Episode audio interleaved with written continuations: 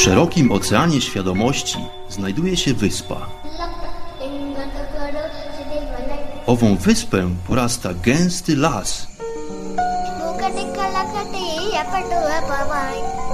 W dalekiej głębi tego właśnie lasu znajduje się słoneczna polanka.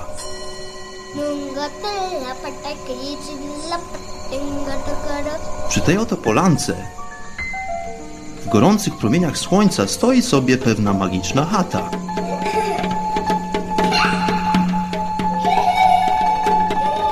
Właśnie tam żyje pewien mistyk.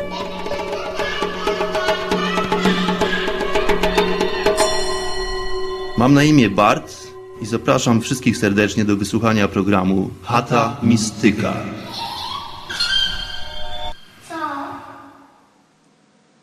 Namaste. Witam wszystkich gości Chaty Mistyka. Witam stałych bywalców, tych, którzy mają już swoje ulubione miejsce w izbie. Oraz witam i pozdrawiam jakże nowych przybyszy, którzy to właśnie zawitali dzisiaj do chaty. Do chaty, gdzie zwykle poruszamy tematy głębokie i mistyczne, bardzo często niełatwe, może czasem nawet kontrowersyjne, tematy metafizyczne, które to właśnie czasem odklejają się jak gdyby od potocznego oglądu fizyki i znoszą się w pewien sposób ponad ten codzienny, tak zwany logiczny ogląd rzeczywistości. Tematy, w których zgłębiamy świadomość i wypływamy często na rozległy ocean metafor, symboli oraz odczuć, które to umożliwić nam mają doświadczenie zgoła powiedziałbym odmienne od tego, które to zwykle dyktuje nam nasz rozum. Moi kochani, dzisiejsze spotkanie ma jednak charakter lekko odmienny. Odcinek Chaty Mistyka przyjmie dzisiaj bowiem niezwykłą dosyć formę. Zaskakujący może dla niektórych zwrot akcji. Dziś mało będzie metafizyki i mało w ogóle mówienia, a bardziej właściwie odczucie.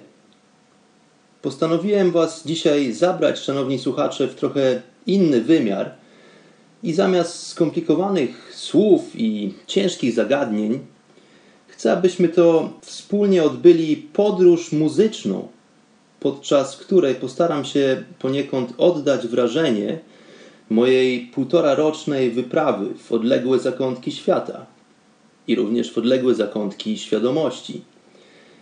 I to wrażenie chciałbym oddać nie przy pomocy słów, ale tym razem dźwięków. Zarówno w tym odcinku, jak i w kolejnym, dużo mniej mówienia, ale za to zupełnie inny muzyczny przekaz. Nie obędzie się oczywiście bez drobnych opowieści, ale główną historię opowiedzą nam instrumenty, więc można się zrelaksować. Zapraszam do tego, aby się wyluzować i po prostu delektować dźwiękami. Kochani goście, już ponad półtorej roku temu naszło mnie pewne marzenie. Kiedy to zanurzony jeszcze byłem po same uszy w codziennej krzątaninie i pośpiechu londyńskiego życia, naszło mnie pewne marzenie, które to niebawem przerodziło się w intencję. A ta po krótkim czasie przerodziła się w czyn. Postanowiłem bowiem zakończyć moją pracę. Spotkałem się z szefem firmy, dla której pracowałem już od roku i przedstawiłem mojemu szefowi plan z miesięcznym wyprzedzeniem. Powiedziałem, że bardzo mu dziękuję za współpracę, ale mam inny pomysł na życie. Więc powstał w mojej głowie plan. Powrót do Indii. Byłem w Indiach wcześniej, ale tym razem zaplanowałem wyprawę, która miała to potrwać 6 miesięcy. Podczas tych 6 miesięcy zamierzałem nabyć motor i odwiedzić parę ciekawych miejsc, których to nie udało mi się odwiedzić podczas mojej poprzedniej wizyty w Indiach. Tak więc po dwóch miesiącach przygotowań i planowania, pakowania się i zmagania z rzeczywistością londyńską, w końcu udało mi się pozamykać sprawy, uzyskać wizę wjazdową do Indii i spakować mały tobołek, który to podczas kiedy wyjeżdżałem ważył zaledwie 6 kg. Pożegnałem się z przyjaciółmi i był to koniec września 2016 roku, kiedy wyruszyłem na lotnisko, aby wsiąść w żelaznego ptaka. Ze zgiełku i zanieczyszczonego powietrza metropolii Londynu po jednym dniu, jakichś 7-8 godzinach lotu, udałem się w jeszcze większy harmider i smog miasta Delhi w północnej części Indii. Delhi, gdzie chaos i hałas, a także brud przechodzą nasze zachodnioludzkie pojęcie. No ale cóż, kolejne dwa dni podróży po drodze miasto Chennai, dawne Madras, które usytuowane jest na wschodnim wybrzeżu Indii, kolejny samolot i kolejne zatłoczone miasto Coimbatore. Tym razem w centrum Indii, ale już na południu. Jeszcze parę godzin w środkach publicznego transportu i w końcu, po trzech dniach podróży i trzech nieprzespanych nocach, znalazłem się tam, gdzie chciałem bardzo być. Właściwie nie wiedziałem, gdzie chciałem być, bo wcześniej tam nie byłem, ale to, co mnie zastało, przerosło moje najśmielsze oczekiwania. Pośród gajów palm kokosowych, daleko za miastem, zanurzone w soczystej zieleni dżungli, pełnej tropikalnych dźwięków i zapachów po jednej stronie, a po drugiej stronie otoczone otwartą przestrzenią połaci pól uprawnych, skąpanych czystym, gorącym powietrzem i południowym słońcem. To wszystko u podnóża majestatycznego łańcucha wzgórz o przepięknych kształtach, które nadały mu natura. Isha Yoga Center. Wyszedłem z zakurzonego autobusu i udałem się w stronę wejścia. Namaskaram, Ana, powiedział uśmiechnięty strażnik i złożył dłonie na wysokości serca w geście powitania.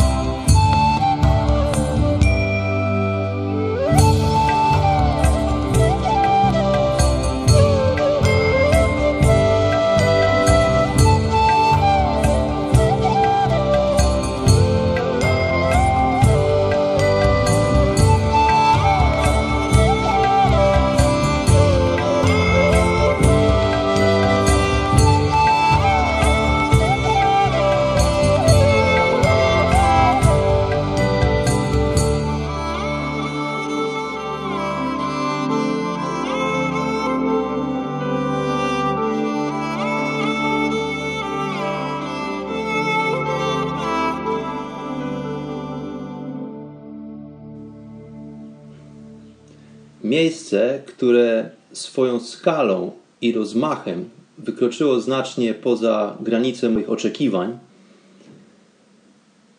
przywitało mnie przepiękną zielenią drzew, mnogością kolorów i kwiatów oraz niesamowitą schludnością i czystością chodników, która to była szokująca po dotychczasowych paru dniach spędzonych w Indiach, gdzie ulice zatłoczonych miast są doprawdy zanieczyszczone. Otaczał mnie spokój, mnóstwo uśmiechniętych, przyjaznych twarzy i większość ludzi spacerowała na bosaka. To były moje pierwsze wrażenia z tego miejsca. Ludzie nie noszą butów. Było naprawdę czysto, przepiękne owocowe drzewa, przepiękne również kwitnące drzewa, drzewa pełne kwiatostanów, które to roztaczały słodką woń tuż po zachodzie słońca. I przepiękny, majestatyczny, a zarazem magiczny spokój, który panował w tym miejscu kompletny spokój, a zarazem jakaś szczególna forma radości, którą to przejawiał każdy z przechodniów, których mijałem. Miejsce okazało się doprawdy magiczne.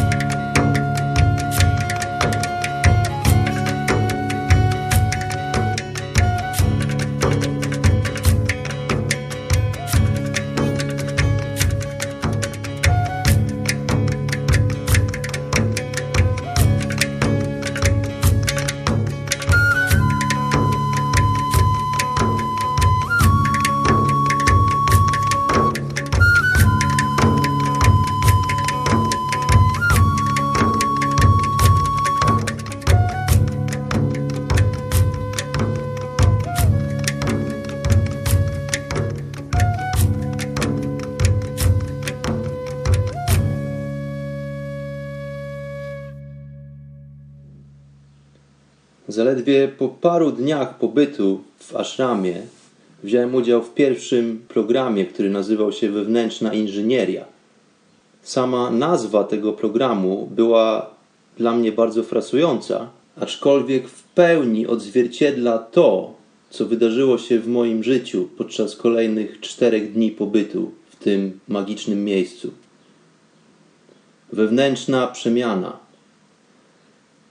Wydarzenie, które przerosło jakiekolwiek moje oczekiwania. Potężna metamorfoza, której to doznałem w przeciągu zaledwie paru dni. To właśnie tu zapomniałem o stresach i znojach związanych z życiem w pogoni w metropolii londyńskiej. To właśnie tu udało mi się zatrzymać, rozejrzeć dookoła i dostrzec samego siebie w zupełnie innym, nowym świetle. To właśnie wtedy coś w sposób bardzo diametralny zmieniło się w moim wnętrzu. Od tego momentu wiedziałem, że to miejsce, w którym się znalazłem, jest bardzo wyjątkowe. Nie mogłem doczekać się na każdy kolejny dzień i co owo miejsce przyniesie oraz wniesie do mojego nowego życia. Teraz nagle uświadomiłem sobie, że właściwie wszelkie moje dotychczasowe plany zniknęły gdzieś w oddali i miejsce, w którym znalazłem się, dostarczało mi w zupełności tego, czego szukałem już od tak dawna. I postanowiłem po prostu zostać i przyjrzeć się tej sprawie troszeczkę bliżej, dlatego że wydawało się, że to miejsce i ta szczególna atmosfera są w stanie zaoferować dla mnie coś, no czego szukałem już od wielu, wielu lat tak naprawdę. Dotychczasowe szaleńcze ambicje i pośpiech codziennego dnia odeszły w zapomnienie, natomiast pojawił się spokój, balans, kontemplacja i początki medytacji. To zaoferowanie się dla innych, każdy gest, każda akcja, czasami niemiłosierny wysiłek przy pracy przy owych programach. To wszystko jednak nacechowane było jakąś totalną miłością, która przepełniała te wszystkie nasze uczynki, te wszystkie nasze akcje. Coś, czego w takiej skali nie zaznałem do tej pory nigdzie na zewnątrz tych murów. Pomimo trudów i pewnego rodzaju reżimu, do którego to nie byłem przyzwyczajony do tej pory. Z tym wiązało się bardzo wczesne wstawanie, wykonywanie wielugodzinnych praktyk, do których moje ciało nie było przyzwyczajone. Często początkowo wszystko po prostu mnie bolało. Ale to wszystko sprawiało, cała ta atmosfera sprawiała, że w jakiś dziwny, magiczny sposób chciałem w tym trwać i chciałem w tym uczestniczyć. Było to nie tyle potężne wyzwanie dla mojego ciała, dla mojego umysłu, ale również chęć zaoferowania się dla innych.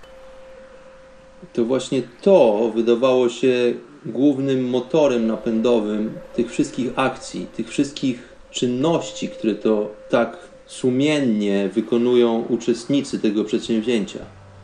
To właśnie to sprawiło, że chciałem tam być i chciałem po prostu być częścią tego wszystkiego.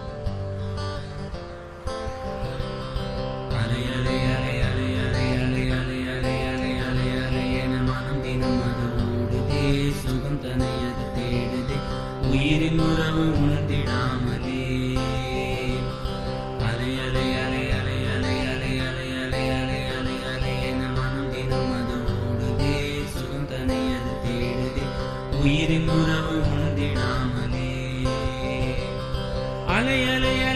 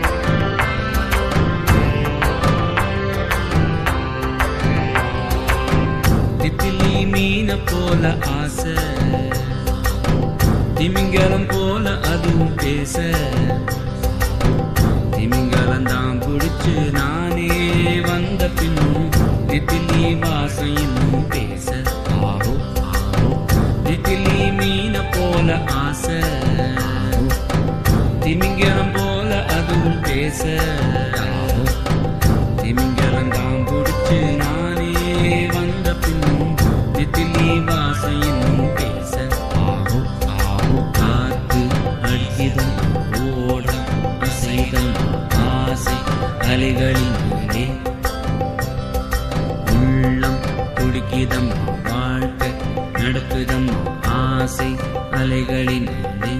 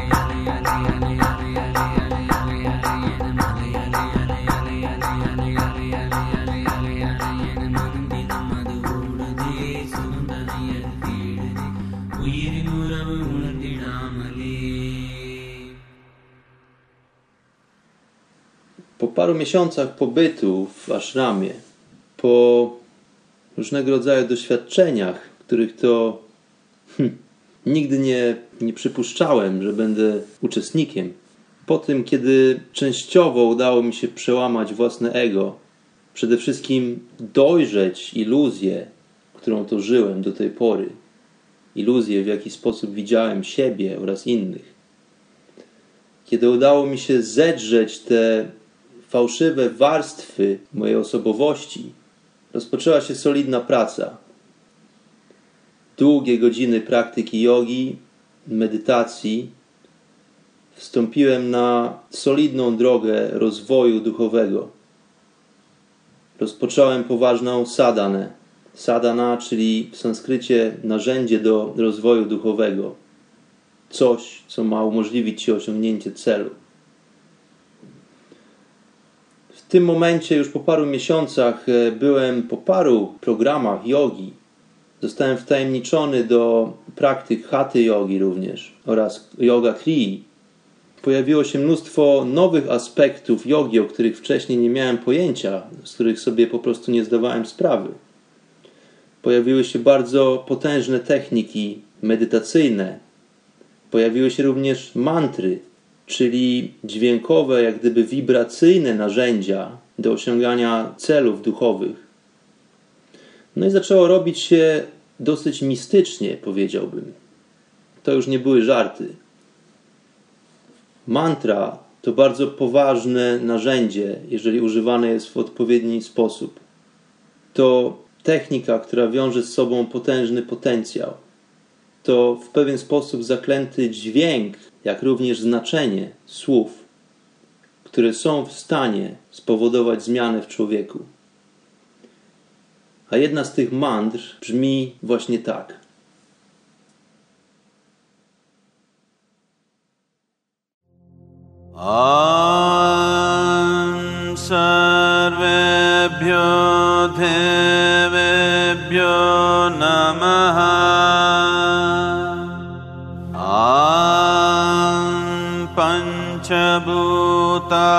नमः।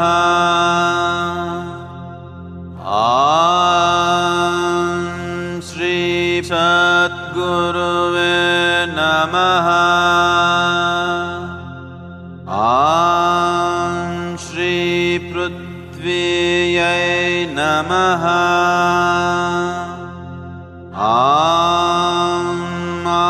आदियोगीश्वराय नमः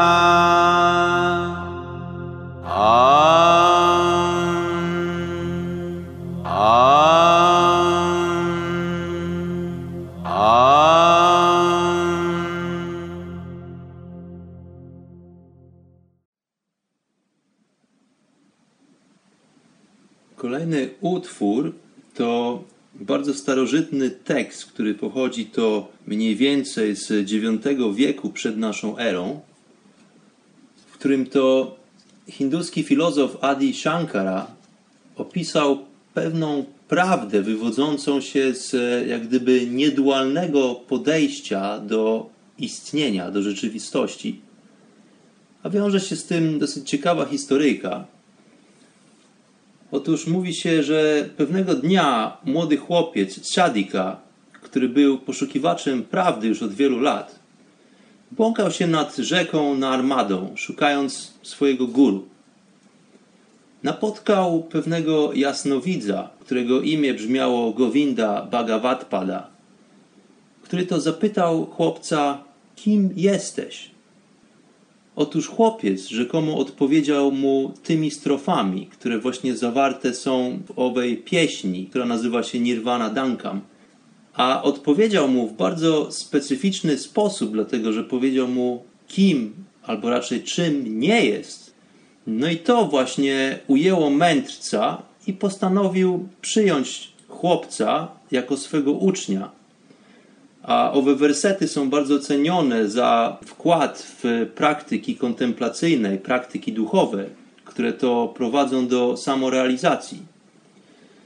Opisują nirwanę, czyli całkowity spokój lub pokój, który kojarzy się z wolnością i z kompletnym wyzwoleniem, a zarazem z radością, która to wypływa z oglądu rzeczywistości w bardzo specyficzny sposób kiedy to właśnie jesteśmy w stanie odrzucić ego i poznać nasze prawdziwe ja.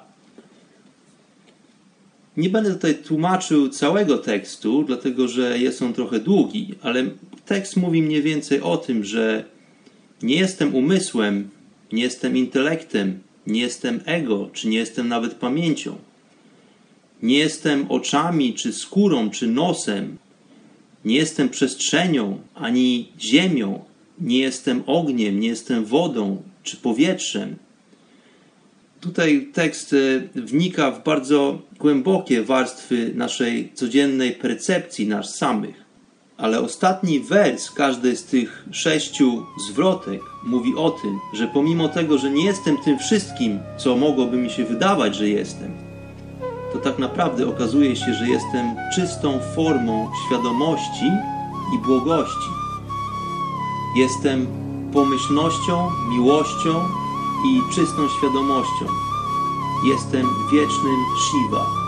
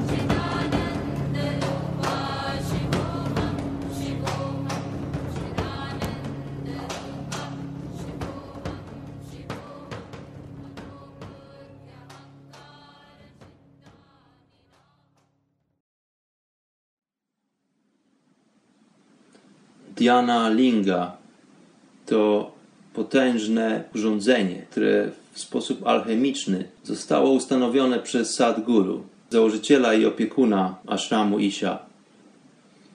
Słowo linga oznacza formę, natomiast słowo dhyana to medytacja. Dhyana linga to forma medytacyjna lub też forma służąca do medytacji. Jest to bardzo szczególne, bardzo potężne urządzenie.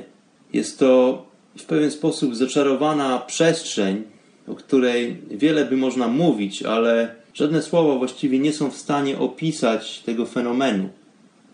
Jest to bardzo specyficzna przestrzeń, w której każdy, nawet największy sceptyk i ignorant, staje się medytatywny.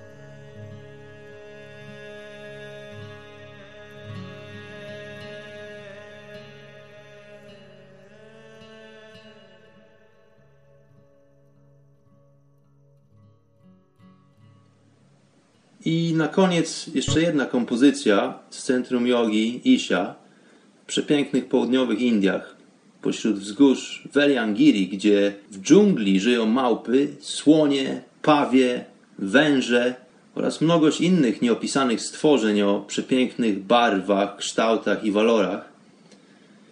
W tych okolicznościach pięknej natury żyją i doskonalą się ci, którzy wstąpili na drogę rozwoju duchowego.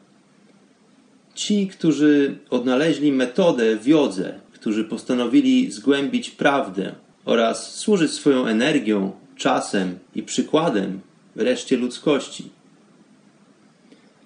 To na dzisiaj tyle, drodzy goście. Zapraszam serdecznie do kolejnego epizodu Chaty Mistyka, gdzie będziemy kontynuować naszą muzyczną podróż. A kolejnym razem wyprawę rozpoczniemy od wizyty w Australii. Pozdrawiam wszystkich serdecznie. Pranam.